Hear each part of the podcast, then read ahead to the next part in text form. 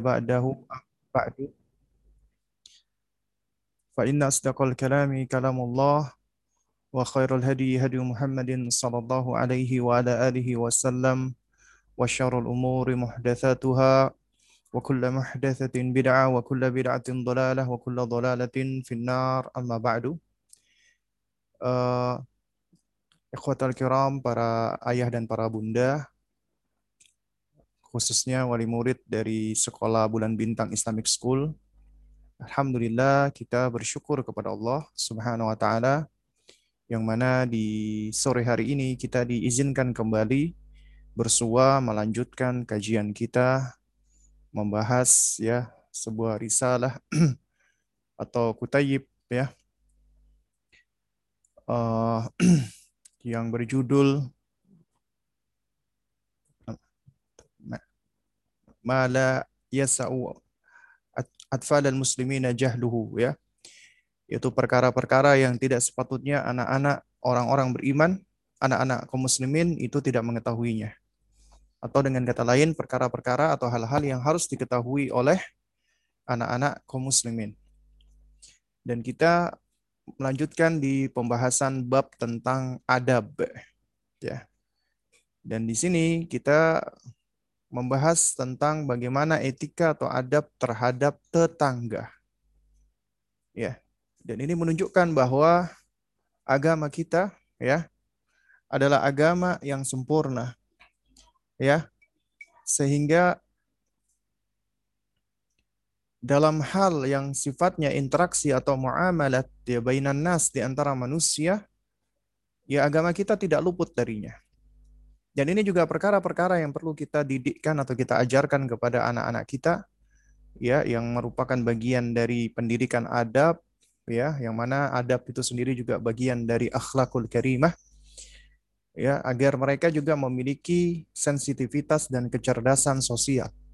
Bagaimana sepatutnya seorang muslim, seorang mukmin berinteraksi dan memperlakukan ya saudara-saudaranya seislam terutama tetangganya. Nah, oleh karena itu, di sore hari ini kita akan belajar tentang bagaimana etika atau adab terhadap tetangga. Ya. Nah, di sini Syekh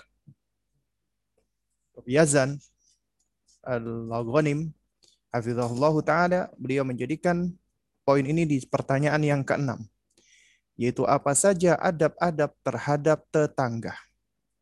Baik, Jemaah sekalian menggunakan Allah Subhanahu wa taala, sebelum kita membahas tentang adab-adab terhadap tetangga. Ya, Allah Subhanahu wa taala di dalam Al-Qur'an, di dalam sejumlah ayat, Allah juga menyebutkan tentang kewajiban untuk berbuat baik kepada tetangga. Di antaranya di dalam surat An-Nisa ayat ke-36. Allah Azza wa Jalla berfirman, Allah berikan perintah, wa'budu ya. Wa'budullaha wa la tusyriku bihi syai'ah ya Allah perintahkan dulu hal-hal yang berkaitan dengan haknya Allah. Wa'budullaha. Sembahlah Allah, ibadahilah Allah, wala tusyriku bihi syai'ah. Dan janganlah kalian menyekutukan Allah dengan sesuatu apa pun. Pelajaran yang bisa kita ambil di sini adalah ya kita diperintahkan oleh Allah untuk beribadah kepadanya, tidak menyekutukannya. Ini hak Allah hak Allah harus lebih didahulukan daripada hak selainnya. Kemudian ibadah itu adalah ya connection, koneksi. Artinya kita diperintahkan untuk senantiasa membangun koneksi kita, hubungan kita, attachment kita dengan Allah. Seakan-akan dikatakan apabila kita selalu membangun koneksi kita dengan Allah, maka Allah akan berikan kita kemudahan di dalam membangun koneksi dengan siapa pun selainnya. Dan ini adalah kunci. Ya. Makanya di dalam surat An-Nisa ayat 36 Allah awali dengan wa'budullaha wa la tusyriku bihi syai'ah. Sembahlah Allah semata, ibadahilah Allah saja, janganlah kalian menyekutukan Allah dengan sesuatu apa pun. Baru kemudian Allah terangkan di situ tentang ya muamalat atau interaksi bainan nas ya di antara manusia. Siapa dulu yang harus kita berbuat baik dengannya setelah haknya Allah ditunaikan?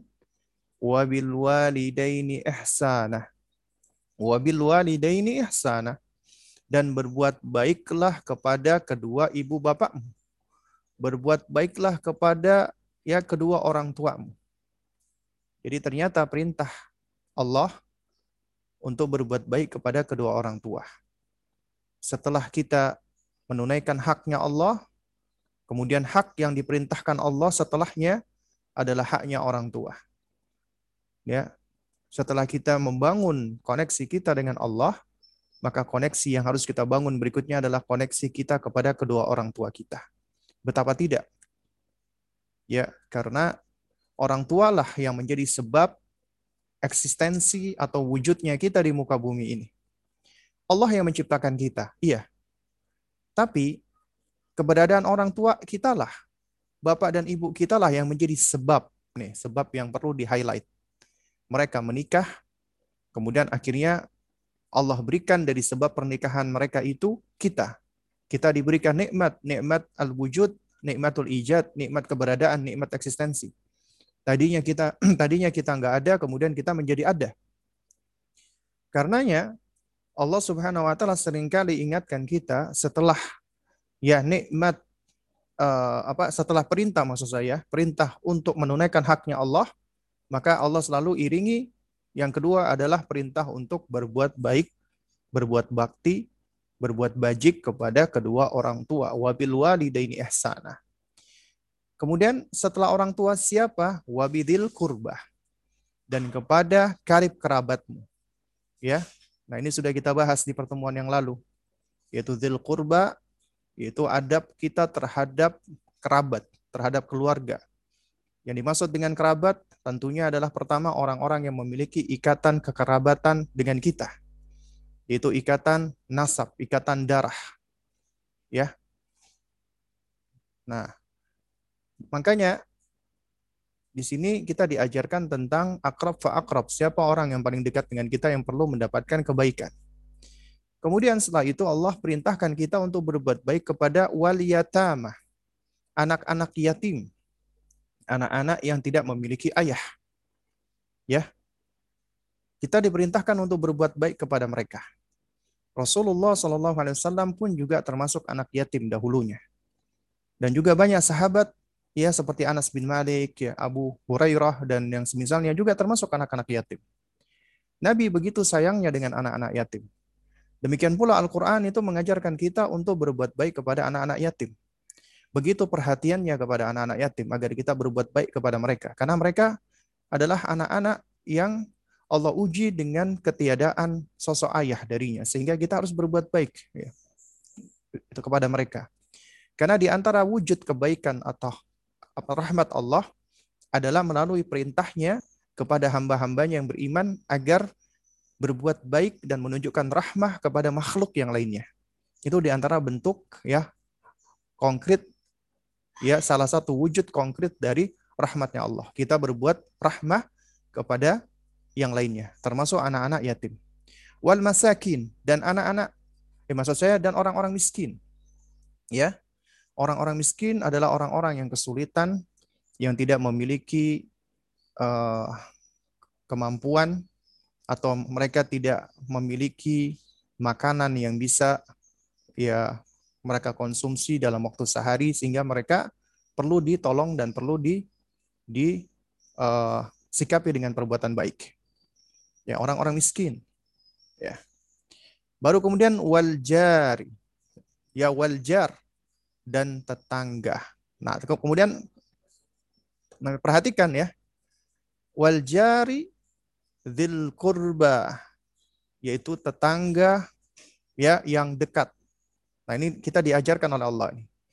Jadi yang pertama kali kita harus perhatikan tetangga yang dekat dulu. Wal jaridil kurba, kemudian wal jaril jumbi. Ya, yaitu tetangga yang asing, yang jauh. Ya. Baru kemudian wasahibi bil jambi. Baru kemudian teman-teman yang kita kenal, teman kolega ataupun sejawat Ya, baru kemudian wabni sabil. Ya, Ibnu Sabil artinya para musafir yang melakukan perjalanan wa ma malakat aymanukum dan kemudian hamba-hamba sahayamu. yang engkau miliki. Ya. Baru kemudian Allah mengatakan innallaha la yuhibbu man kana mukhtalan fakhura. Sesungguhnya Allah tidak suka orang yang sombong lagi membangga-banggakan diri. Nah, ayat ini merupakan salah satu dalil tentang kewajiban kita untuk berbuat baik kepada tetangga. Ya. Makanya kita di dalam ayat ini ya sebagaimana disebutkan oleh para ulama-ulama ahli tafsir seperti Al-Imam Al-Qurtubi rahimahullahu taala ya adalah wajib bagi seorang mukmin untuk apa menjaga dan menunaikan hak-haknya tetangga. Ya.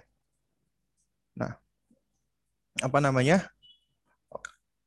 Uh, karena itulah ya, jangan heran apabila Rasulullah SAW di dalam ya hadis yang sahih ya, riwayat Imam Bukhari dan Muslim muttafaqun alaihi, Nabi sampai bersabda, "Man kana yu'minu billahi wal yaumil akhir." Nah, ini dikaitkan dengan keimanan. Siapa yang beriman kepada Allah dan hari akhir, falyakul khairan aw liyasmut. Maka hendaknya dia berkata yang baik atau dia diam. Wa man kana yu'minu billahi wal yaumil akhir falyukrim jarahu. Siapa yang beriman kepada Allah dan hari akhir, maka hendaknya dia memuliakan tamunya. Jadi dari sini ya jemaah sekalian dimuliakan Allah Subhanahu wa taala. Ya. Nabi SAW itu memerintahkan kita untuk apa? Untuk berbuat baik ya. Untuk berbuat baik kepada siapa? Kepada tetangga. Bahkan kita diperintahkan untuk memuliakan ya. Memuliakan siapa? Tetangga kita. Man kana yu'minu billahi wal yaumil akhir ya fal yukrim jarahu atau di dalam riwayat yang lain dikatakan fal yuhsin ila jarihi. Hendaknya dia berbuat baik kepada tetangganya. Ya. Bahkan juga di dalam riwayat yang lain, ya Nabi SAW itu malah mempergunakan apa namanya kalimat perintah, ya wa ahsin mujawarata man jawaraka takun musliman. Ya, Kata Nabi SAW, wa ahsin mujawarata man jawaraka takun musliman.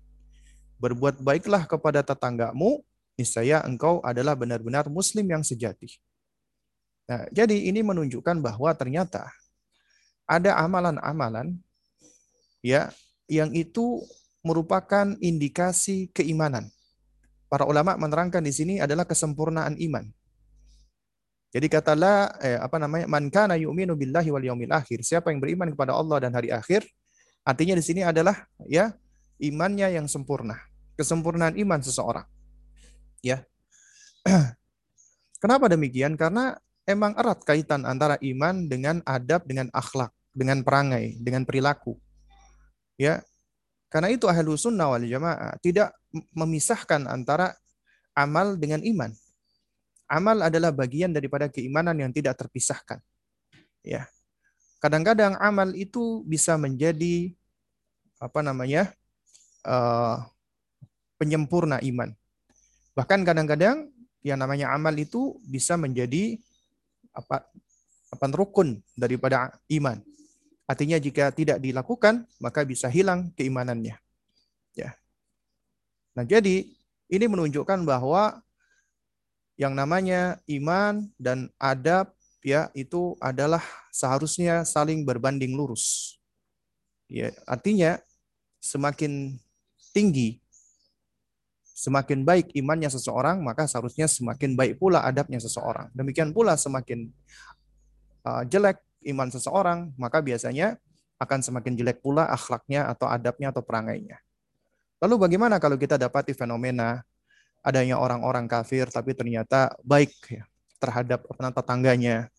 Padahal mereka bukanlah orang yang beriman. Nah, dalam hal ini yang perlu kita pahami adalah ya kita nggak bisa pungkiri nih, bahwa yang namanya etika, adab, ya manners itu perkara-perkara yang sejatinya ya muktasab. Ya umumnya muktasab. Muktasab artinya bisa diperoleh, bisa dilatih, bisa diajarkan.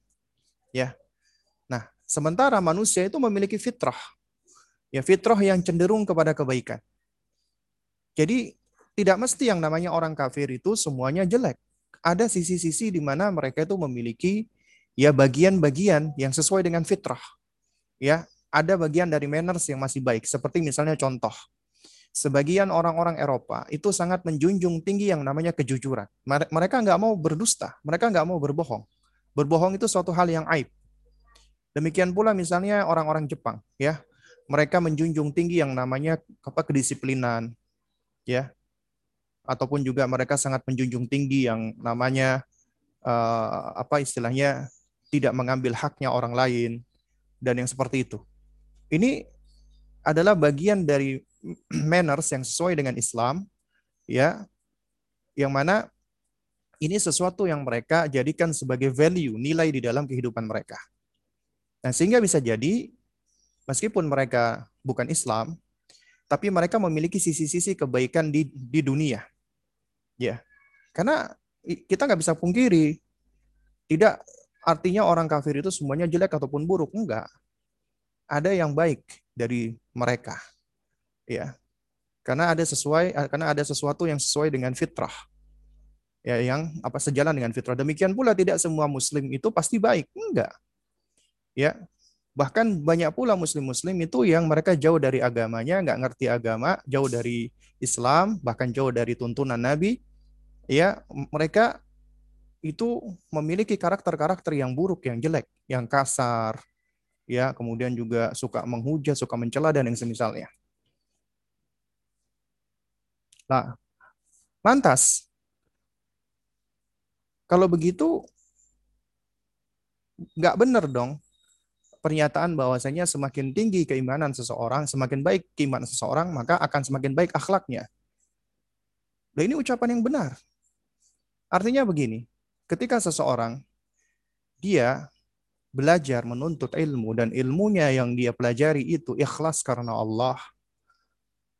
Dan kemudian dia belajarnya dengan cara yang benar dengan cara taksil, tafsil, tadarruj artinya dia belajar dengan cara yang benar ya. Ilmunya memberikan manfaat ilmunya membuahkan khasyah maka niscaya dia akan menjadi orang yang ramah terhadap makhluk karena itu jangan heran ah, uh, Syekhul Islam Ibnu Taimiyah rahimahullahu taala beliau sampai-sampai mengucapkan ya yaitu ahlu sunnah hum a'rafun nasi bil haqqi wa arhamuhum bil khalqi. Ahlu sunnah mereka itu adalah a'rafun nasi bil haqq. Manusia yang paling tahu tentang kebenaran. Karena kebenaran itu Al-Quran dan Sunnah. Mereka paling tahu tentang Al-Quran dan Sunnah. Mereka paling tahu tentang Al-Haq kebenaran. Ya. Wa arhamuhum bil khalqi. Dan yang paling lemah lembut, yang paling rahmah, yang paling berkasih sayang terhadap makhluk. Itu ahlu sunnah, kata Ibnu Taimiyah rahimahullah. Karena itu apabila ada seorang yang ngaji akidah, tahunan, tapi akhlaknya nggak baik, berarti ada yang keliru di situ biasanya kekeliruan ini nggak lepas dari dua hal yang merupakan syarat ibadah. Ikhlas dan mutaba'ah. Bisa jadi dia belajarnya tidak ikhlas karena Allah. Bisa jadi. Tendensinya bukan karena Allah. Bisa jadi karena yang lainnya. Bisa jadi dia belajar uh, untuk membanggakan dirinya.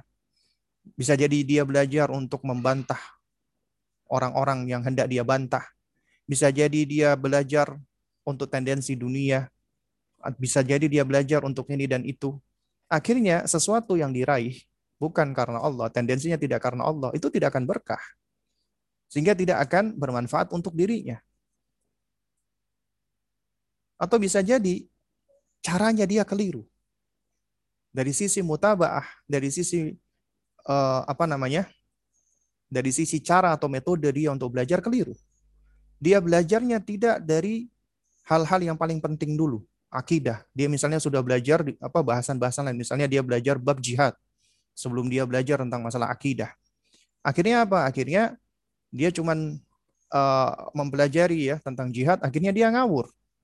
Dia kafir-kafirkan saudara-saudaranya kaum muslimin, bahkan dia rela sampai menumpahkan darah mereka. Misalnya contoh seperti itu.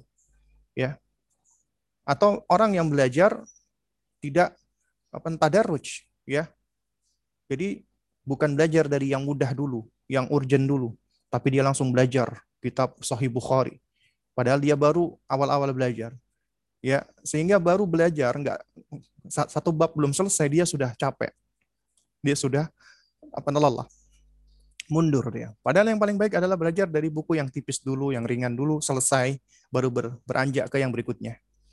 Nah, yang cara-cara seperti inilah itu yang biasanya menyebabkan mereka tidak memiliki pemahaman yang yang utuh, yang holistik, yang integral.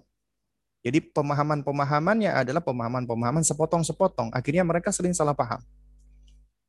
Nah, oleh karena itu, apabila Anda dapati ada orang udah ngaji lama, akhlaknya jelek, ya berarti kemungkinan besar di antara dua hal itu. Ya bukannya kita nuduh, bukan. Tapi kita jadikan pelajaran bahwa seharusnya orang yang akidahnya bagus, orang yang uh, akidahnya lurus, orang yang imannya baik, maka akhlaknya juga akan baik. Ya. Karena ini berkaitan antara akhlak, adab dengan akidah, dengan iman. Ya, makanya Nabi mengatakan man kana yu'minu billahi wal yaumil akhir fal, fal yukrim jarahu.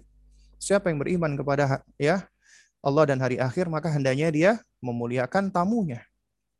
Ya. Nah, jadi dari sini kita bisa ambil pelajaran nih. Apa pelajarannya? Bahwa ketika kita mengajarkan kepada anak-anak kita tentang haknya tetangga, berarti kita ini sedang mengajarkan kepada mereka tentang ya bagian dari kesempurnaan iman. Ya. Makanya adab yang kita ajarkan itu bukan sekedar adab dan kita biasakan, itu bagian yang tidak terpisahkan dari pendidikan keimanan sebenarnya. Karena itu, di bahasan kita tentang bab adab ini, yang pertama kali disebutkan oleh penulis, ya Syekh Yazan, adalah adab kepada Allah. Itu kunci sebelum adab yang lainnya. Baru kemudian kemudian setelah itu adab kepada Rasulullah, ya kan? Dari bahasan kita. Baru kemudian kita bahas adab kepada orang tua, baru kemudian hingga seterusnya hingga di yang sekarang ini adab kepada tetangga. Dan tetangga itu memiliki hak ya. Sampai-sampai Nabi yang mulia alaihissalam itu mengatakan, Mazala Jibrilu ya yusini bil jarri hatta dhanantu annahu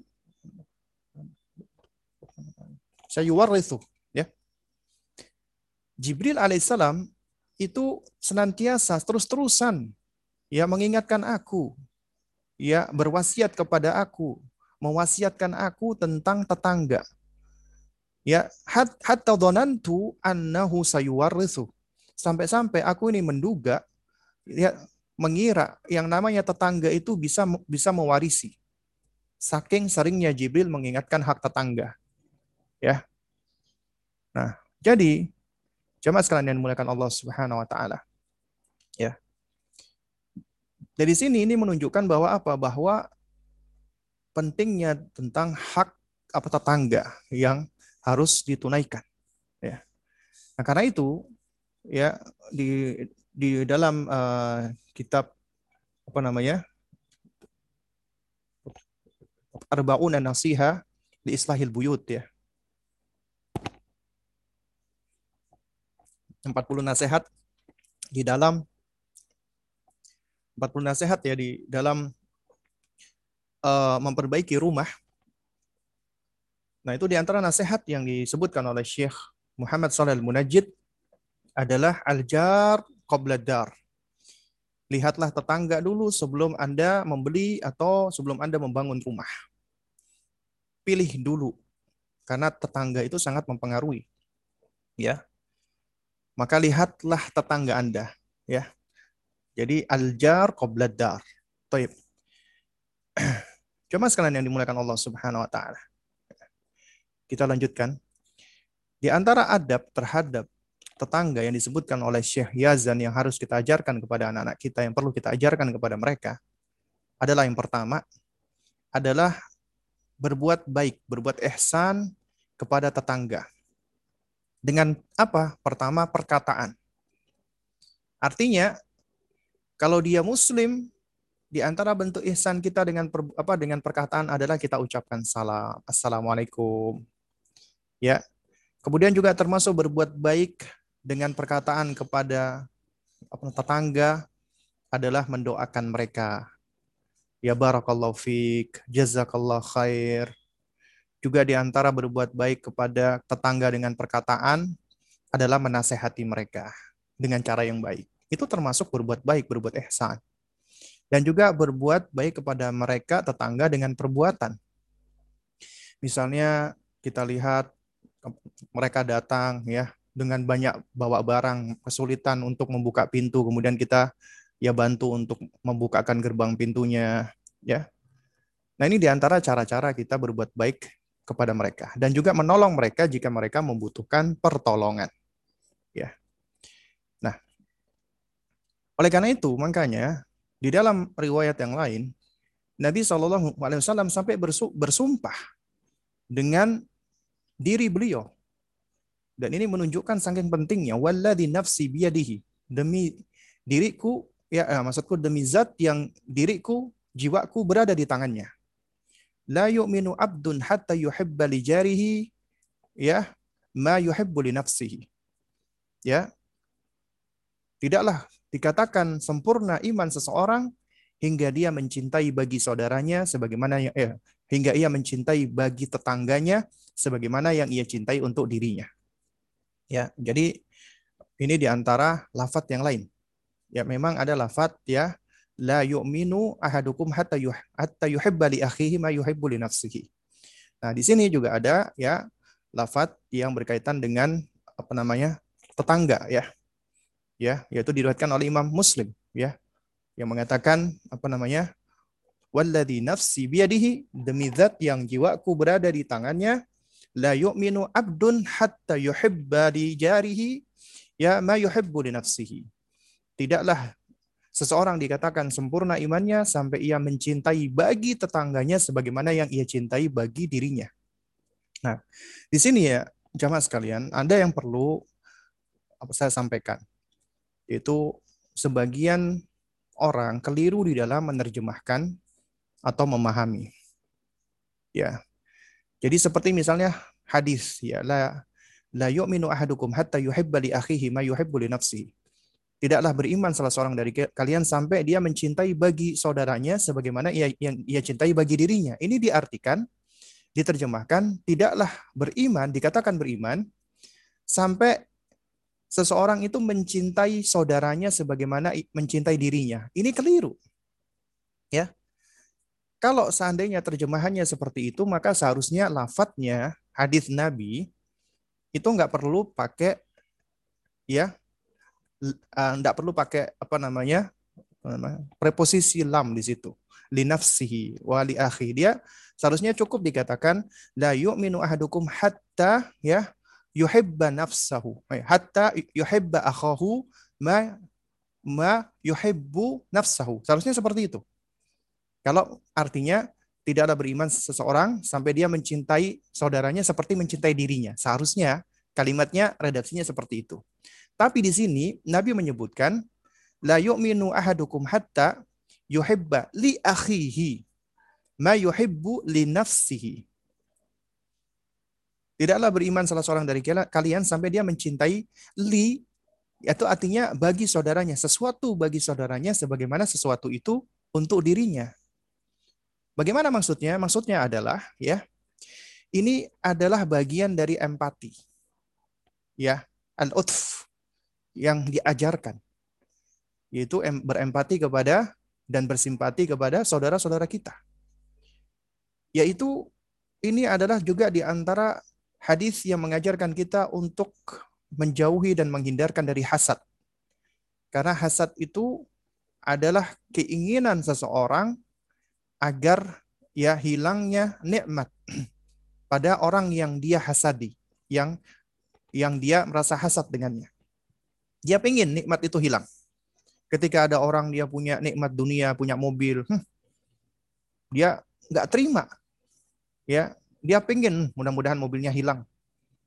ah mobilnya curian kali. Jadi itu di antara hasad, penyakit hati, ya. Di antara konsekuensi kesempurnaan iman adalah ya kalau misalnya kita ini senang kita dapat mobil, maka tentunya ketika saudara kita itu dapat mobil, kita juga harus senang sebagaimana kita senang dapat mobil. Kalau kita senang, kita misalnya dapat rumah, maka juga kita juga senang ketika saudara kita tersebut dia dapat rumah atau baru beli rumah. Sebagaimana kita senang kalau kita juga punya rumah. Ini maksudnya. Juga sebagaimana kita senang kalau kita dapat hidayah taufik dari Allah, ketika mereka dapat hidayah taufik, kita juga harus senang. Kadang-kadang hasad kita nggak suka sama seseorang, entah karena sesuatu, ketika dia dapat hidayah Allah, taufik ngaji, ah palingan cuman pura-pura doang, ah palingan cuman ya cuman mau cari muka doang. Kadang-kadang ada yang seperti itu. Ini hasad, ya. Nah, makanya di antara obat untuk bisa menentang atau menghindarkan hasad adalah kita camkan hadis ini. Belajar berempati. Belajar untuk menyukai sesuatu yang baik bagi saudara kita sebagaimana yang baik itu ada pada diri kita. Dan kita juga membenci sesuatu yang buruk ya. Kita membenci sesuatu yang buruk sebagaimana sesuatu yang buruk itu ya sesuatu apa kita membenci sesuatu yang buruk bagi saudara kita sebagaimana sesuatu yang buruk itu kita benci apabila itu kena apa kepada kita. Ini empati. Jadi di sini ketika kita mengajarkan kepada anak kita hal ini, ini kita juga mengajarkan tentang nilai empati dan termasuk simpati. Ya. Agar dia memiliki sifat ithar. Juga dia mau untuk mendahulukan ya orang lain. Nah, demikian pula di dalam hadis ini. Ya, walladhi nafsi biyadihi la yu'minu abdun hatta yuhibba li jarihi ma yuhibbu li nafsihi. Ya, demi zat yang jiwaku berada di tangannya. Tidaklah seorang seorang hamba itu dikatakan beriman sampai dia mencintai menyenangi sesuatu bagi saudaranya sebagaimana sesuatu itu ia senangi untuk dirinya. Nah, ini maksudnya.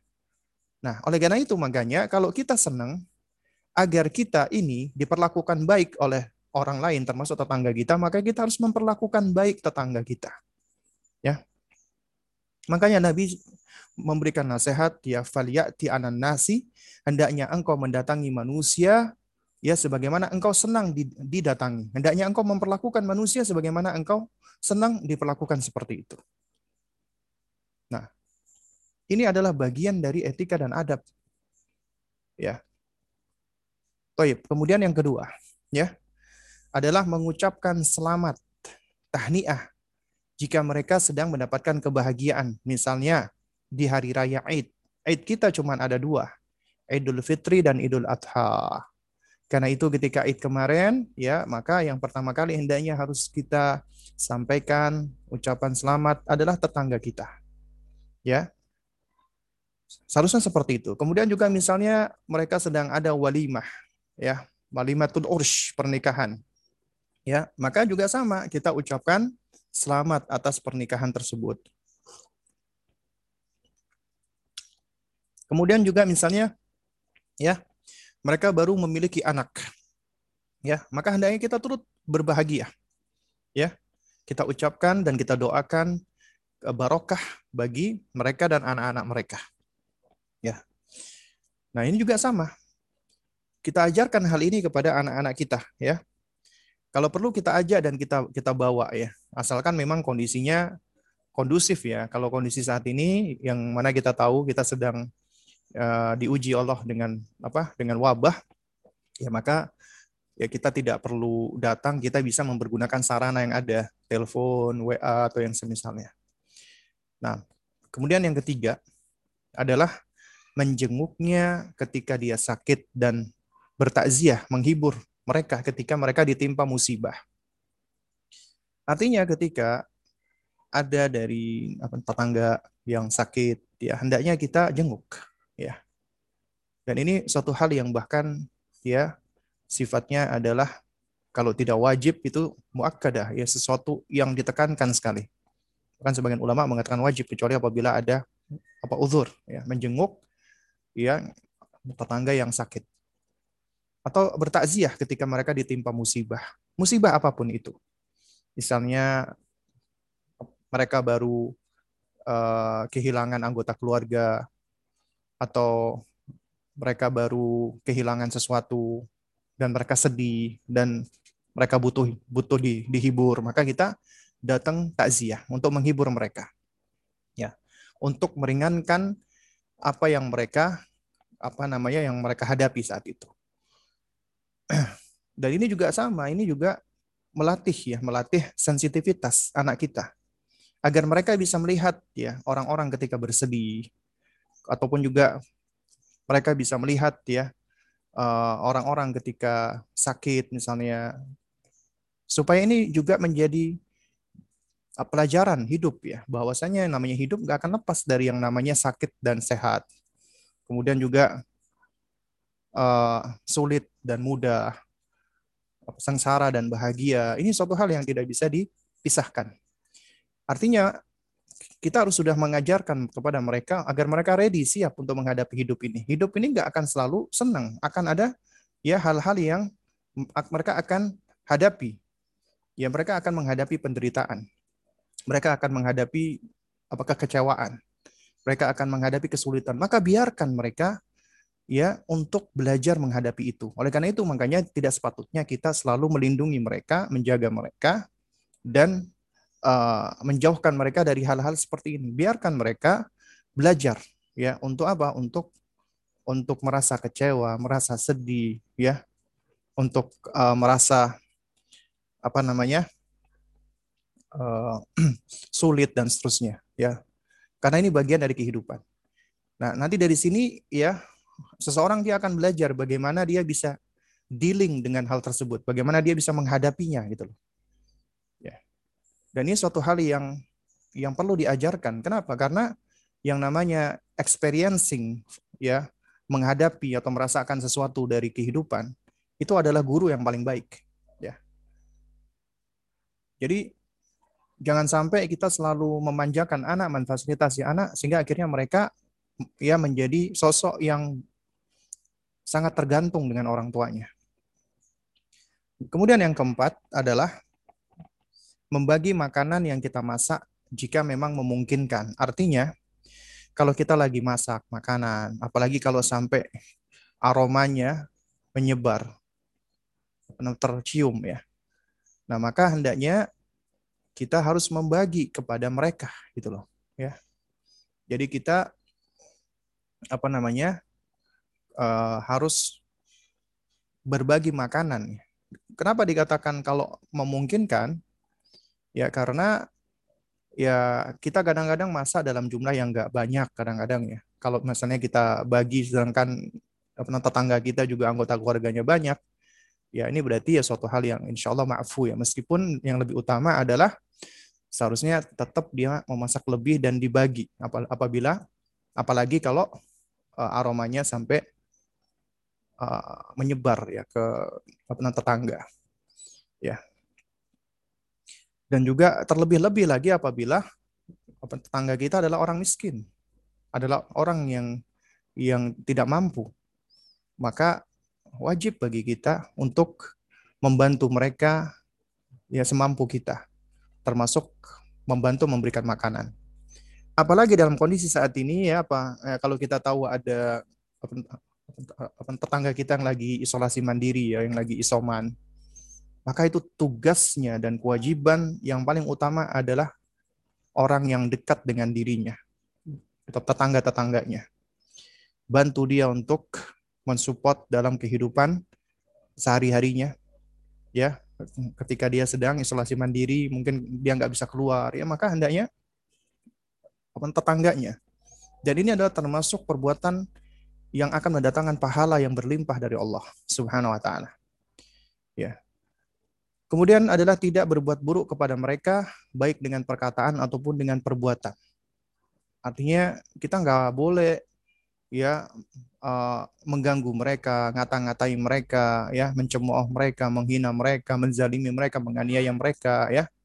Ini suatu hal yang tentunya sudah kita ketahui Nah, oleh karena itu makanya di, di antara yang perlu kita ajarkan kepada anak kita adalah misal anak kita ini suka berteriak-teriak. Memang anak-anak ya suka teriak-teriak. Nah, jadi kita perlu untuk mengajarkan kepada anak-anak kita untuk melihat waktu. Artinya begini, ketika mereka misalnya lagi bermain yang heboh, ya kita perlu ajarkan. Ya. Kita ajarkan kepada mereka, misalnya kakak, adik, sekarang waktunya orang beristirahat. Ini kan waktunya, misalnya mereka lagi main siang. Ya, ini waktunya orang lagi beristirahat. Kalau kakak adik main ribut-ribut nanti bisa apa namanya mengganggu orang di sekitar. Ya, Nah, itu juga bagian loh dari kita untuk untuk mendidik anak kita agar mereka tidak mengganggu ya tetangga gitu loh. Juga misalnya uh, masuk ke tanah mereka tanpa izin itu juga nggak boleh ya kan.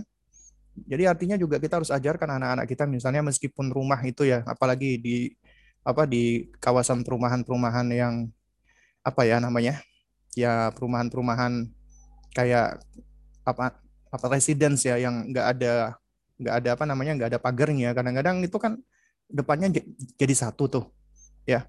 Nah itu tetap harus kita ajarkan adab atau etika kepada anak kita ketika kita mau berada di depan di depan tanah mereka harus izin dulu ya. Harus ngomong dulu ya agar tidak mengganggu.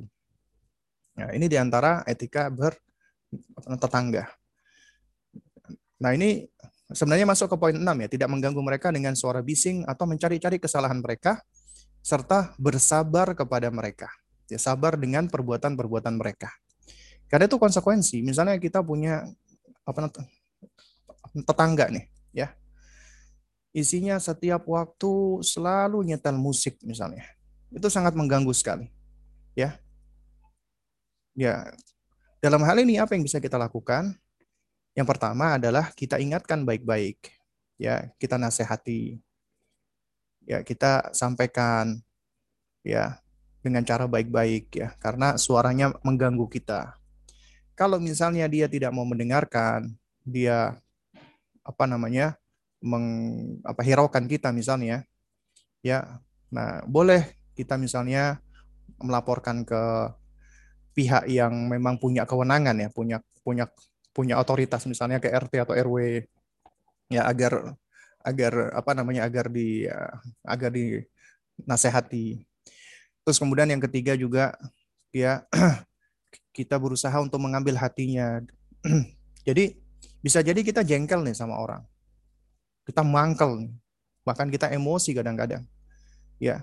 Nah, itu sering kali kalau kita menghadapi dengan sekedar marah emosi itu yang namanya emosi ya, kemarahan itu biasanya juga akan mudah untuk memantik ya kemarahan orang orang lain juga gitu loh. Ya. Ibaratnya ya, kalau marah itu kita ibaratkan seperti api yang panas, maka tentunya orang-orang di, di sekitarnya itu juga akan mudah akan mudah ini akan mudah kena kena kena imbas daripada panas dan api tersebut gitu loh. Ya. Nah, oleh karena itu makanya yang lebih tepat adalah kita tetap bersikap cool, dingin, meskipun berat ini. Ya. Jadi kita melawannya dengan air. Kalau api dilawan dengan api malah semakin besar apinya.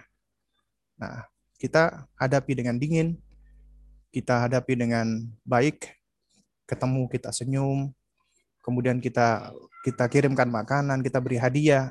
Nah, ini umumnya manusia ketika diperlakukan seperti ini, ya dia akan merasa sungkan, segan, ya. Apalagi kalau kita banyak menolong mereka. Nah, karena itu makanya di antara metode untuk takliful kulub, melunakkan hati ini juga yang dilakukan oleh Nabi yang mulia alaihissalam. Nabi itu beliau sampai memberikan hadiah ya kambing itu ya hitungannya lembah. Satu lembah, dua lembah saking banyaknya. Itu kepada siapa? Kepada pimpinan-pimpinan kabilah-kabilah musyrikin atau kafir yang mu'alaf baru masuk Islam. Ya. Dalam rangka apa? Untuk melunakkan hatinya. Ya. Dalam rangka untuk ta'liful kulub. Nah, sampai-sampai ada di antara apa namanya pembesar mereka ketika mendengarkan hal ini ya mereka itu apa namanya mengatakan kalau sekiranya Muhammad ini dengan dakwahnya dia menghendaki dunia, maka nggak mungkin nih dia akan memberikan ya uh, kayak kambing itu hitungannya satu lembah yang begitu luasnya. Kalau seandainya yang dicari oleh Rasulullah ini adalah dunia. Dan ini berarti menunjukkan bahwasanya memang pesan yang beliau sampaikan adalah pesan dari Allah Subhanahu wa taala. nah, ini di antara cara metode ya. Yaitu dengan cara apa? Dengan cara kita uh, malah semakin berbuat baik. Ya meskipun ini bukan satu hal yang mudah ya. Mungkin mudah diucapkan tapi sulit dipraktekkan memang. Ya. Nah, cuman biasanya begini memang. Kalau misalnya kita ini uh, kesel, ya kita kemudian jengkel, kemudian kita sikapi mereka dengan wajah yang sinis, itu orang udah udah bisa ngelihat. Ya. Jadi ketika ngelihat kita sinis, kita jengkel, mereka juga ikut sinis, mereka ikut jengkel, akhirnya apa yang terjadi? Ya, bukannya mereka berhenti, malah mereka semakin apa namanya menjadi-jadi, kayak nantangin gitu loh.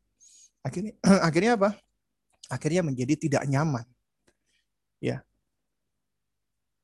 Artinya Anda sudah terganggu dengan lagu-lagu, dengan musik-musik, kemudian Anda juga terganggu dengan emosi-emosi negatif.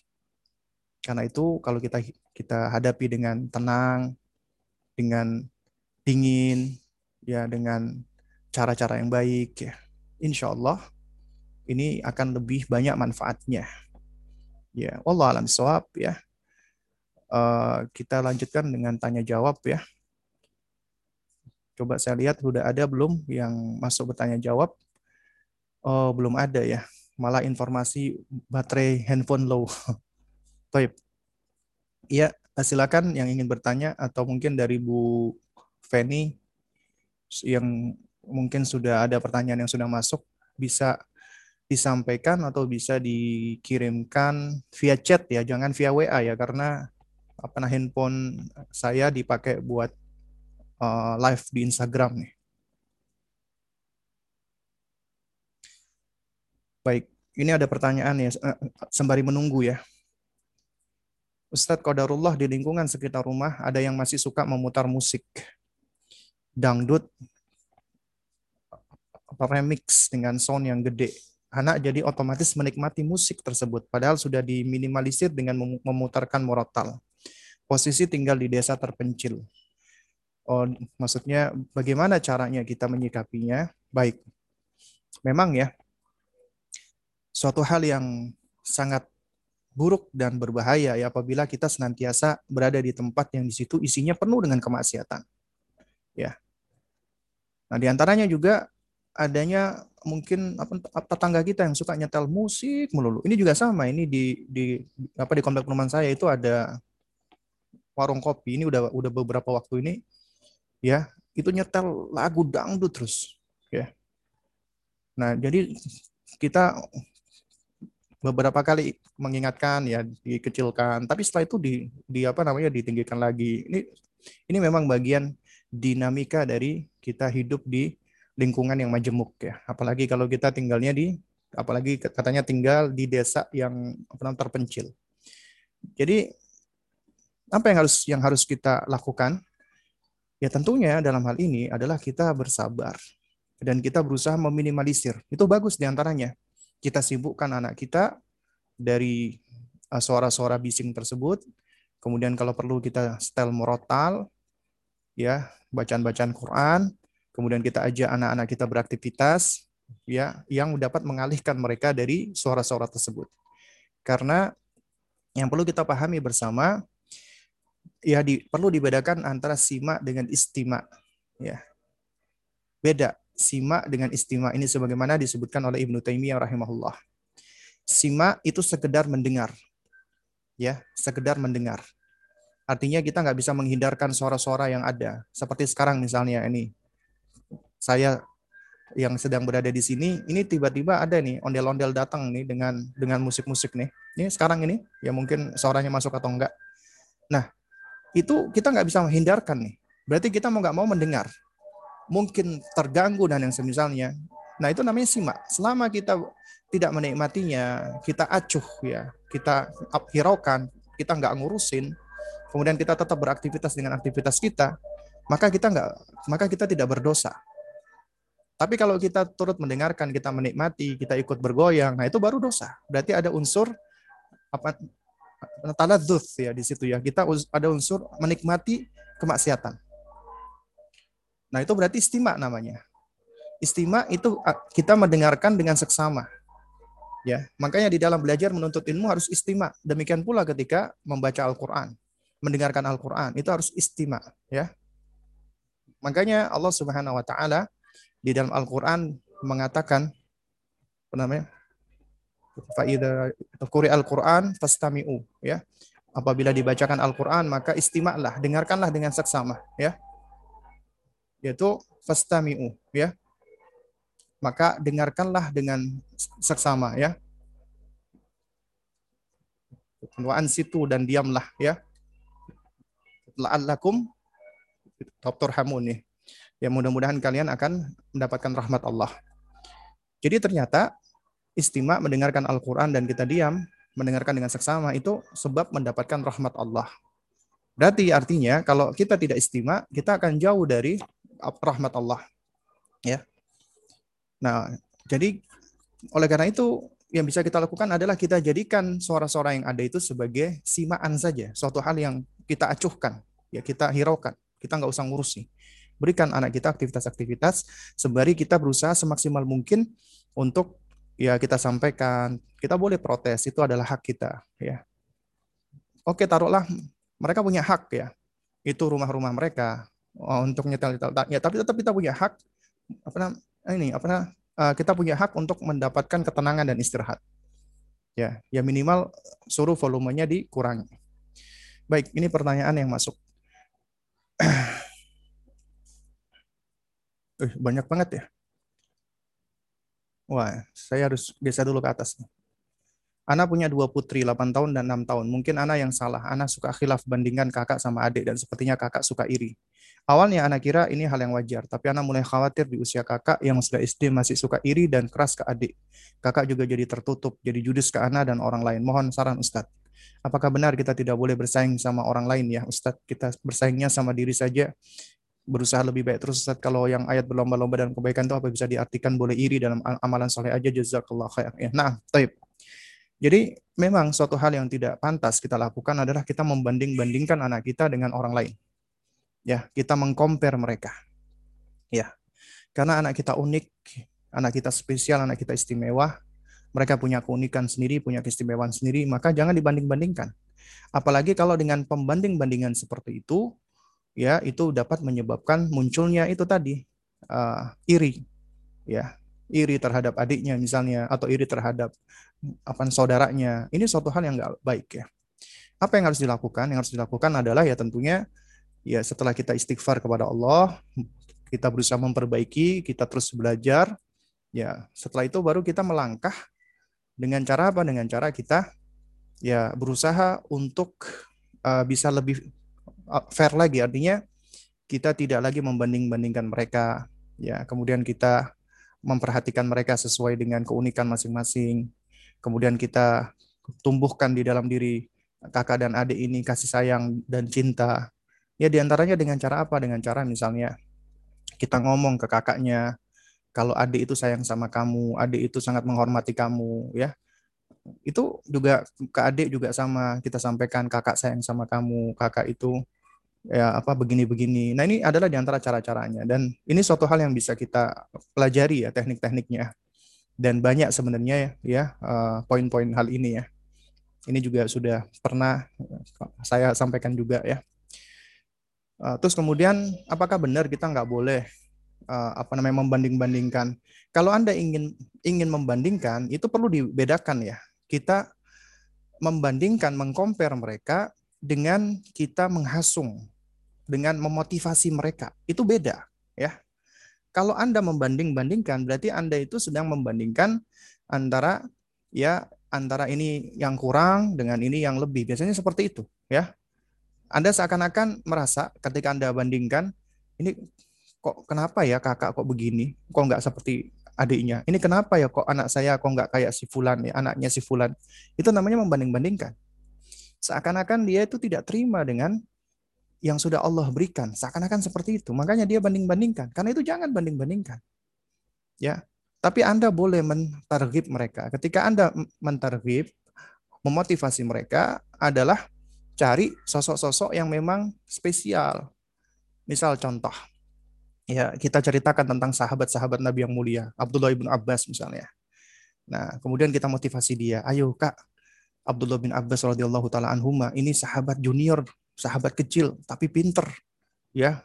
Dan kakak kalau terus belajar, insya Allah bisa. Nah itu baru boleh, ya. Nah, apa namanya? Ini kan beda ya. Kalau misalnya sebagian orang tua kadang-kadang itu ya apa salah kaprah. Misalnya begini, contoh. Ya, kita lihat fenomena dulu awal-awal Hafid Cili ya. Fenomena Musa contohnya misalnya. Ini anak kecil ini ternyata sudah memiliki hafalan yang luar biasa. Orang tua itu wah, kepengen anaknya bisa seperti yang uh, Musa menjadi penghafal Quran. Bagus, boleh kita punya keinginan. Tapi kemudian kita keliru nih. Apa? Kita menuntut anak kita bisa seperti Musa. Kita bandingkan dia seperti Musa, tapi kita lupa untuk menuntut diri kita agar kita bisa seperti orang tuanya Musa. Kita sering lupa dengan diri kita. Kita suka bandingkan anak kita, tapi kita lupa dengan diri kita sebagai orang tua. Seharusnya kita juga harus dong. Kalau Anda pingin supaya anak Anda itu bisa seperti Imam Syafi'i misalnya, Anda harus lihat nih, bagaimana orang tuanya Imam Syafi'i itu mendidik mendidik anaknya. Ya. Dan Imam Syafi'i ini istimewa. Artinya tidak semua orang itu memiliki keistimewaan seperti ini. Ya, oleh karena itu makanya kita hanya bisa menghasung, mendorong, memotivasi jadi yang kita perhatikan adalah prosesnya bukan hasilnya. Ya selama anak kita sudah berusaha, maka prosesnya itulah yang kita hargai. Prosesnya itulah yang kita syukuri. Bukan hasil. Hasil itu adalah adalah haknya Allah, itu adalah wewenangnya Allah Subhanahu wa taala. Dan kalau ditanyakan tentang berlomba-lomba di dalam kebaikan, iya, kita perlu untuk berlomba-lomba di dalam kebaikan. Itu berbeda dengan apa namanya membanding-bandingkan beda, ya. Jadi apa namanya kita mengajari mereka untuk tanafus ya untuk uh, berkompetisi di dalam kebaikan ya itu tidak dengan cara kita membanding-bandingkan enggak tapi ya kita mendorong mereka memotivasi mereka untuk melakukan kebaikan-kebaikan kemudian kita kita apa namanya kita jelaskan dengan apa reward-reward ataupun balasan-balasan khususnya balasan dari Allah Subhanahu wa taala. Ustadz, anak baru boleh dihukum saat usia 10 tahun kan ya? Dihukum fisik pukul ya. Dan itu pun untuk masalah akidah atau agama. Itu kan ya. Ya ini ada pertanyaan. Iya, ini uh, Nabi SAW menyebutkan memang untuk urusan ketika mereka meninggalkan sholat. Dan ketika mereka sudah dinasehati, tapi tetap nggak mau, maka nggak ada jalan kecuali memang harus diberikan hukuman pukulan. Ini artinya solusi alternatif terakhir. Nah, berarti parenting modern yang time out itu kurang apa tepat ya yang anak punya kursi khusus untuk introspeksi dan mengakui kesalahannya. Ya. Mana tadi? Loh, kok hilang? Maaf, tadi uh, ke geser nih. Berarti parenting modern yang time out kurang tepat ya. Yang anak punya kursi khusus untuk introspeksi dan mengakui kesalahannya. Kalau disiplin sejak usia berapa ya Ustadz? Baik. Baik, jamaah sekalian yang muliakan Allah Subhanahu wa taala ya uh, saya sebenarnya kurang begitu tahu ya bagaimana mekanisme time out itu ya. Cuman ya beberapa kali dengar ya tentang konsepsi time out dan ini memang dipraktekkan di di parenting-parenting modern ya. Intinya begini ya, intinya hal-hal yang berkaitan dengan uh, pendidikan anak itu di dalam sejumlah hal yang ber, apa yang kaitannya dengan dengan praktikal ya dengan praktek-praktek ya itu sebenarnya urusannya adalah ya non ibadah sebenarnya itu perkara-perkara yang yang bersifat ada sehingga lebih fleksibel ya dan hukum asalnya boleh-boleh saja kecuali apabila ada hal-hal yang menerjang perkara-perkara yang haram. Nah, tapi tentunya juga kita sebagai muslim juga harus berhati-hati dengan konsepsi-konsepsi yang tidak berasal dari Islam. Kenapa? Karena bisa jadi itu berangkat dari etikot atau dari ideologi atau konsepsi ya uh, dari orang yang membuat konsep tersebut. Misalnya ada muatan-muatan uh, apa nanti biblikalnya, nilai-nilai Bible misalnya atau misalnya ya. Nah, oleh karena itu kita juga harus aware dalam hal ini, harus berhati-hati. Ya. Dan juga kalau kita perhatikan itu di dalam Islam, ulama kita itu juga sudah menerangkan ya, bagaimana cara-cara metode-metode di dalam mendidik anak ya, menghadapi kesalahan-kesalahan mereka. Ini suatu hal yang sudah ada sebenarnya. Termasuk menghajar. Menghajar itu artinya mengisolir, membiarkan anak ya. Dan saya nggak tahu apakah konsepsinya sama dengan time out atau enggak ya dari sisi praktek. Tapi memang di antara metode yang diajarkan adalah menghajar.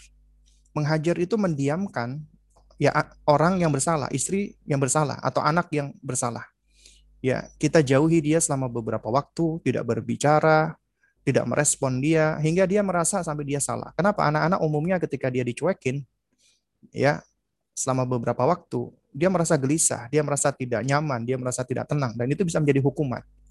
Ya, nah ini di antaranya dengan bentuk hajar seperti ini. Ya, nah jadi kalau saya pribadi kurang tahu nih bagaimana konsep time out itu seperti apa. Ya, apakah dia diasingkan dulu atau dia di ataukah dia disuruh diam dulu selama beberapa waktu ya. Nah, jadi kalau di dalam konsepsi agama kita sebenarnya sudah ada namanya hajar ya. Disiplin itu mulai usia berapa? Disiplin itu sudah bisa diajarkan mulai dari semenjak dini, bahkan mulai dari semenjak bayi sebenarnya.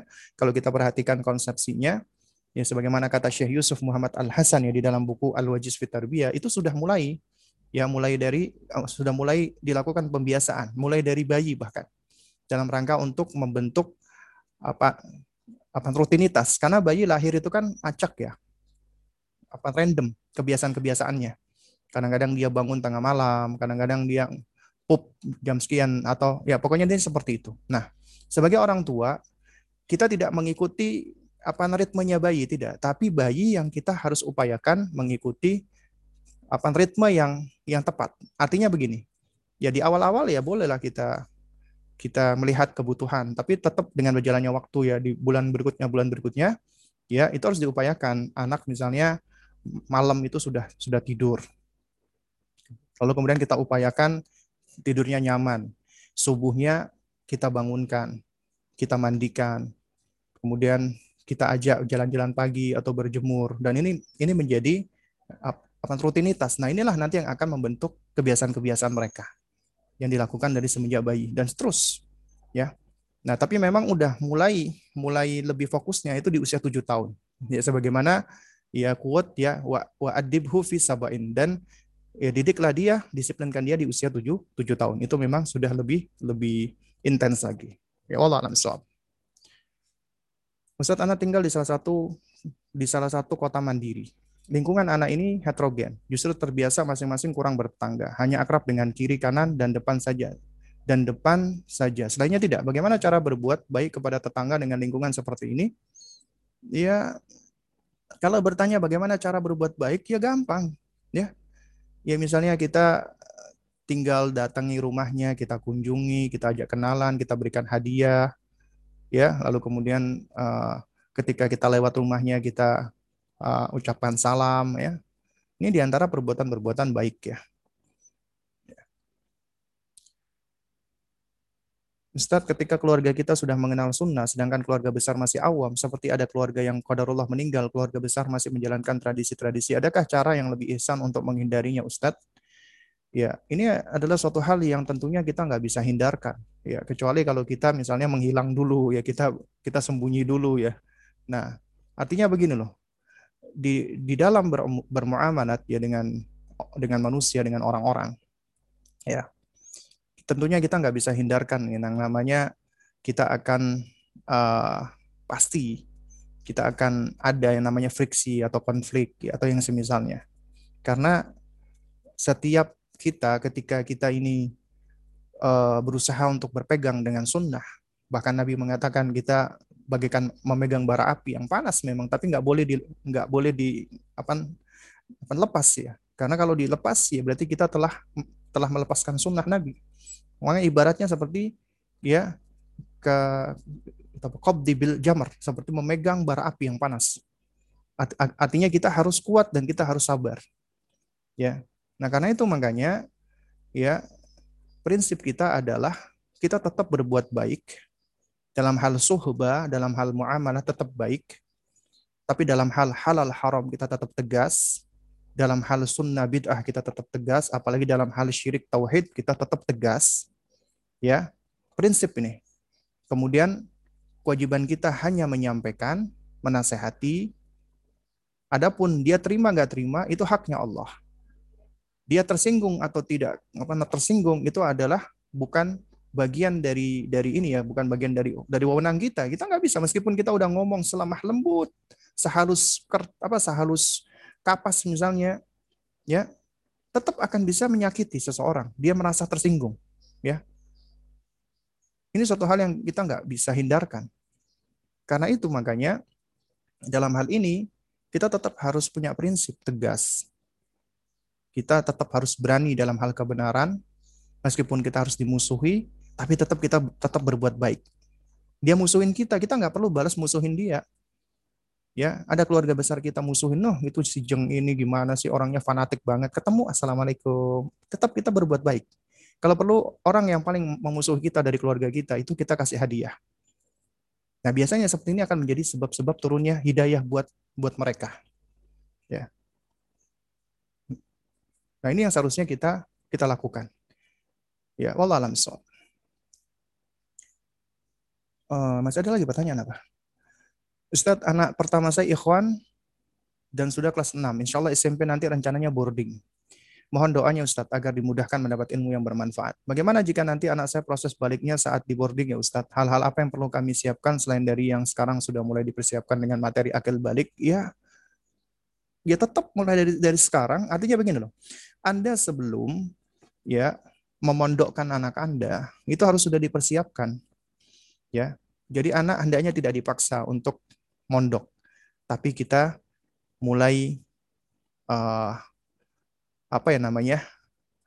mulai dari sebelum dia dipondokkan, kita sudah mulai nih uh, sounding dan kita bangkitkan uh, apa keinginan-keinginan dia untuk terus belajar, di antaranya belajar di pondok, itu suatu hal yang harus sudah mulai kita berikan kepada mereka.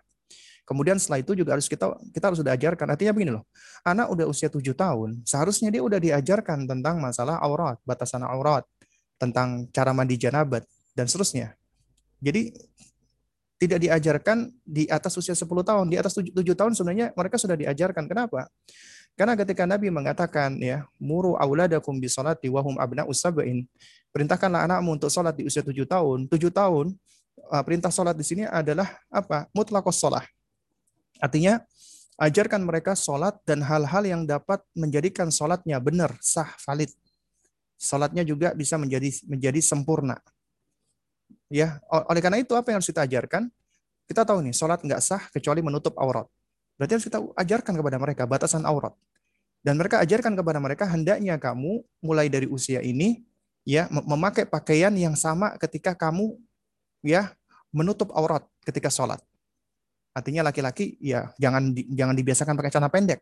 Apalagi perempuan, anak perempuan ketika dia keluar rumah ya maka hendaknya dia harus sudah dibiasakan pakai hijab jilbab di usia tujuh tahun itu. Ya. Nah kemudian juga sholat nggak sah kecuali dengan toharoh. Berarti harus diajarkan tentang toharoh, bersuci, wudhu. Nah di antaranya juga harus kita ajarkan di situ ada hadas besar dan ada hadas kecil. Hadas kecil hilang dengan wudhu, hadas besar hilang dengan mandi janabat. Nah kita jelaskan kepada mereka apa yang dapat menyebabkan hadas besar harus sudah diajarkan. Itu tugas kita sebagai orang tua, bukan tugasnya sekolah. Kita yang harus mengajarkan hal tersebut. Ya Allah alam Kemudian pertanyaan terakhir apa ini? Uh, panjang banget ya. Ada seorang umahat yang memiliki tetangga depan rumah seorang janda. Umahat juga dengan satu anak yatim. Belakangan umat ini tidak suka untuk bertemu dengan tetangga tersebut karena kepergok suka mengintip suaminya tiap keluar masuk rumah. Bahkan terakhir kita memergoki tetangganya ini keluar rumah ketika adzan subuh berkumandang berdiri di depan gerbang rumahnya menanti suaminya keluar untuk sholat subuh dalam keadaan gang yang sepi. Entah apa yang dia inginkan. Padahal ketika ditawari menikah lagi katanya tidak mau. Mau nasihat Ustadz untuk umahat dengan tetangga seperti ini? Ya. Toib. Ya jadi ya intinya sama saja ya. Jadi kita cuma bisa memberikan nasihat, kita kasih tahu, kita sampaikan baik-baik ya. Uh, terus kemudian dia mau terima atau nggak terima ya sudah itu kita nggak bisa paksa gitu loh. Ya juga walau alam ya apakah dia mungkin naksir dengan suaminya sang penanya atau gimana ya. Cuman yang bisa kita lakukan adalah intinya itu tadi ya kita cuma bisa apa sebatas menyampaikan saja. Ya walau alam soal Apakah masih ada kewajiban kita terhadap seorang tetangga yang sudah pindah dari rumah sebelah kita yang mana diketahui bahwa tetangga tersebut saat ini mempunyai hubungan dengan pasangan yang berbeda akidah dan dikhawatirkan akan merubah pol, merubah pula akidahnya? Apakah kami sebagai bekas tetangga dan sebagai saudara sesama muslimah masih mempunyai kewajiban untuk kembali menasehatinya untuk tidak melanjutkan hubungan yang berbeda akidah tersebut? Ya, intinya siapa pun yang melakukan kekeliruan dan kita tahu, kita kenal, ya bahkan kita nggak kenal dan kita mampu untuk mengubahnya, maka hendaknya kita mengingkarinya dan nasihati dia. Ya, ya. Nabi SAW sudah menjelaskan dengan tegas, man apa namanya, ro'a minkum munkaran fal yuqayyir biyadihi. Siapa yang melihat kemungkaran hendaknya dia ubah dengan tangannya asalkan dia memiliki kemampuan. Ya. Dia memiliki apa kekuatan ya seperti seorang apa orang tua kepada anaknya ya itu dia punya apa kekuatan atau penguasa kepada rakyatnya bisa mengingkari dengan tangan. Fa'ilam yastati apabila nggak mampu maka fabilisanihi dengan lisannya. Sampaikan dengan cara baik-baik dinasehati. Nasihat itu bukti kita sayang sebenarnya. Ya, kita sampaikan kalau kita itu sebenarnya perhatian sama dia, maksudnya kita care sama dia. Ya. Fa'ilam yastati kalau kita nggak nggak mampu ya apa namanya bihi maka dengan hati kita wadzalika adzaful iman maka itu adalah selama-lamanya iman. Itu udah paling paling minim ya udah kita ingkari dengan hati. Kok tapi kan tadi dua pertanyaannya. Ini kok kayaknya semakin banyak saya mempunyai putri umur 6 tahun belum punya teman dekat kecil bermain bersama adiknya lima tahun laki-laki dan tiga tahun perempuan dan sepupunya laki-laki sebelahnya. Uh, apa Selebihnya dia tidak terlalu sering. Bagaimana menghadapi tetangga? Loh, ini oh, pertanyaannya ya ini? Saya punya putri enam tahun, belum punya teman dekat kecil bermain, belum punya teman dekat kecil bermain bersama adiknya lima tahun laki-laki, tiga tahun perempuan dan sepupunya laki-laki empat tahun. Selebihnya dia tidak tidak apa nih terlalu sering. Nah, pertanyaannya mana pertanyaannya? Saya ingin bertanya, ini nggak ada pertanyaannya nih, cuman ngasih tahu doang. Saya punya putri enam tahun, belum punya teman dekat. Eh, adiknya lima tahun laki-laki, tiga tahun perempuan, sepupunya laki-laki empat tahun. Selebihnya dia tidak pernah terlalu sering. Jadi ya mungkin maksudnya apa inti dari pertanyaan yang ingin ditanyakan ini? Ya, kalau yang ingin ditanyakan adalah uh, bagaimana, apakah perlu dicarikan teman? Ya, intinya kita nggak perlu apa namanya memaksakan anak kita untuk berteman ya. Jadi cukup kita fasilitasi saja. Kalau memang belum apa namanya memungkinkan bagi dia apalagi dalam kondisi seperti ini misalnya kondisi wabah, dia bermain sama adik-adiknya itu sudah sudah cukup sebenarnya. Atau misalnya ya kita kenalkan dia atau kita sekolahkan dia misalnya di, di TK itu di antara sarana dia untuk ber, bersosialisasi Ya, adapun dia punya eh, teman dekat ataupun enggak, maka itu tiap anak beda-beda ya, punya keunikan masing-masing. Ada yang mereka bisa bisa cepat akrab, ada yang butuh proses, butuh waktu. Ya ini suatu hal yang jangan kita melihat dari kacamata kita, kacamata kita sebagai orang tua ataupun kacamata kita sebagai sosok. Kalau saya ini orangnya mudah bergaul, kenapa kok anak-anak saya kok enggak? Jangan. Ya karena tiap orang beda-beda. Ya selama itu tidak melanggar syariat, selama itu tidak tidak apa namanya tidak uh, tidak apa ya maksudnya masih dalam batasan normal gitu ya maka kita nggak perlu khawatir. Bagaimana menghadapi tetangga yang mau usir kita gara-gara bapak saya ditangkap dibilang teroris. Alasan tetangga kita dibilang berisik. Memang ibu mertua saya agak keras suaranya karena punya darah tinggi. Menghadapi tetangga yang mau usir kita, ya yang paling baik adalah kita ya kalau ada kesalahpahaman seperti ini ya kita berusaha untuk sikapi dengan cara bijak dan baik ya. Jangan dengan cara kita ikut marah-marah ya. Jadi kita berusaha untuk tetap kepala dingin, kita tetap berusaha baik, kita komunikasi dengan cara baik ya. Dan kita tunjukkan dengan akhlak kita gitu loh. Orang-orang itu menganggap kita teroris karena mereka nggak kenal dan nggak tahu. Jadi jangan sampai anggapan mereka itu semakin kita benarkan dengan cara-cara kita yang kurang bijak. Ya. Jadi kita harus tunjukkan nih. Itu kan tuduhan. Tuduhan harus ada buktinya. Karena itu janganlah kita berikan ya uh, semacam uh, apa namanya amunisi-amunisi bukti buat mereka. Itu lihat tuh orangnya judes, orang yang nggak mau salam sama kita, orang yang nggak mau gini. Jangan. Kita tunjukkan malah dengan cara yang baik. Ya mudah-mudahan dengan demikian ya yang tadinya ya, mereka apa istilahnya punya pandangan sinis dengan kita ya mudah-mudahan ya dengan izin Allah itu bisa hilang ya.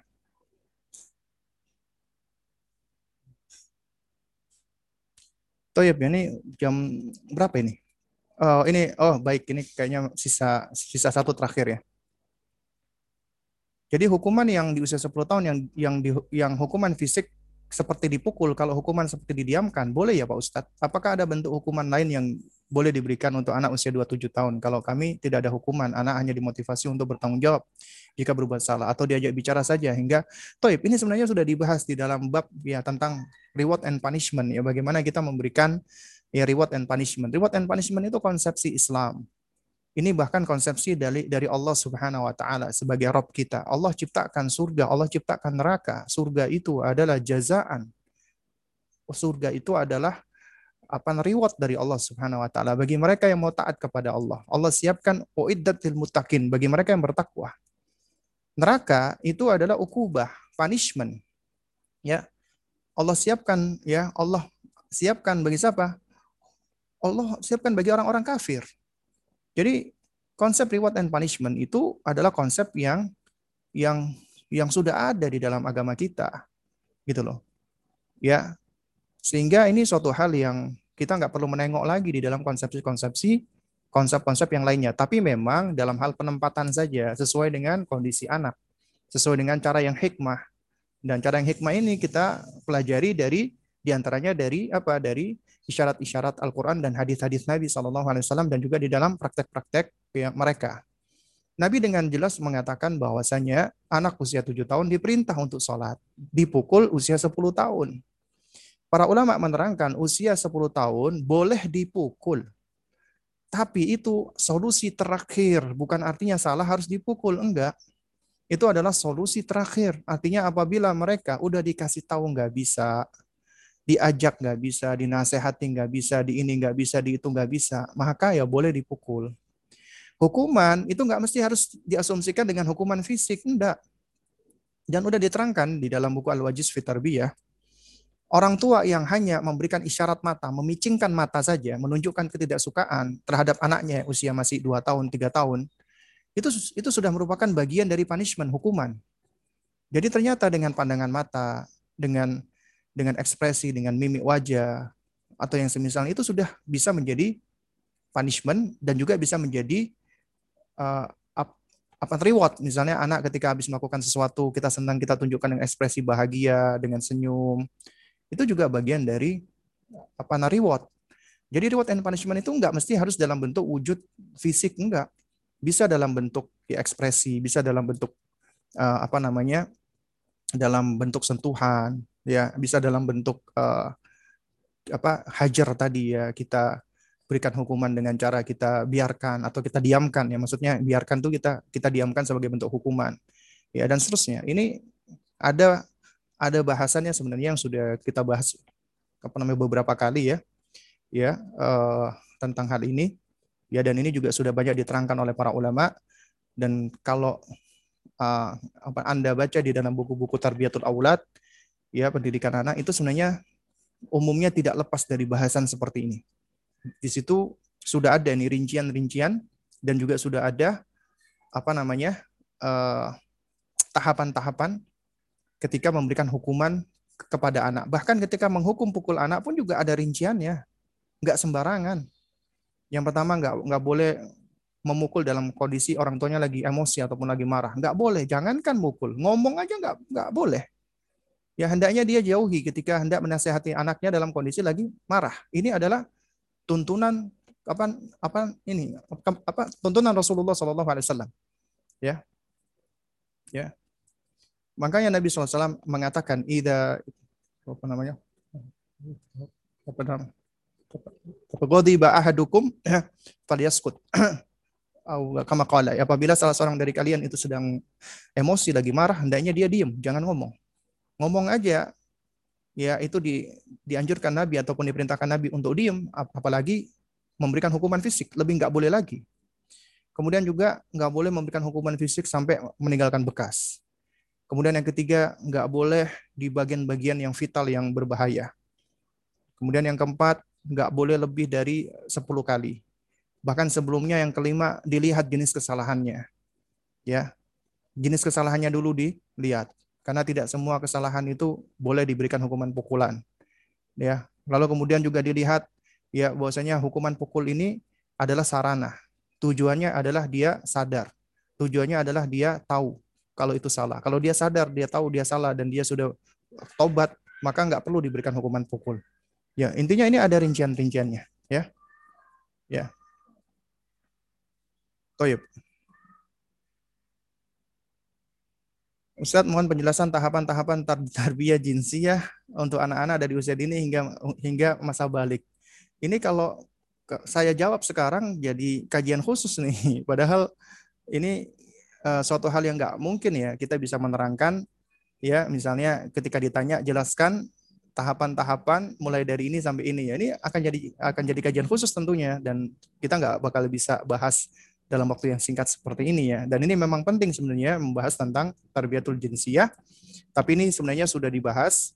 Artinya uh, ini kajian yang juga kita sedang pelajari ya setiap Sabtu malam ya. Jadi bagi penanya mungkin bisa mengikuti dan bisa uh, juga melihat apa rekaman-rekaman sebelumnya yaitu setiap Sabtu malam yang diselenggarakan oleh teman-teman dari Mujahadah Parents Project. Kita juga membahas tentang ya bagaimana pendidikan seksualitas bagi anak-anak. Dalam hal ini memang kita masih fokus membahas tentang mendidik sifat maskulinitas buat anak-anak laki-laki ya. Baik, mungkin ini yang dapat saya sampaikan, kurang lebihnya saya mohon maaf jika ada hal-hal yang kurang berkenan. Ya, kita tutup dengan kafaratul majlis. Subhanakallahumma wa bihamdik asyhadu an la ilaha illa anta astaghfiruka wa atubu ilaik. Wassalamualaikum warahmatullahi wabarakatuh.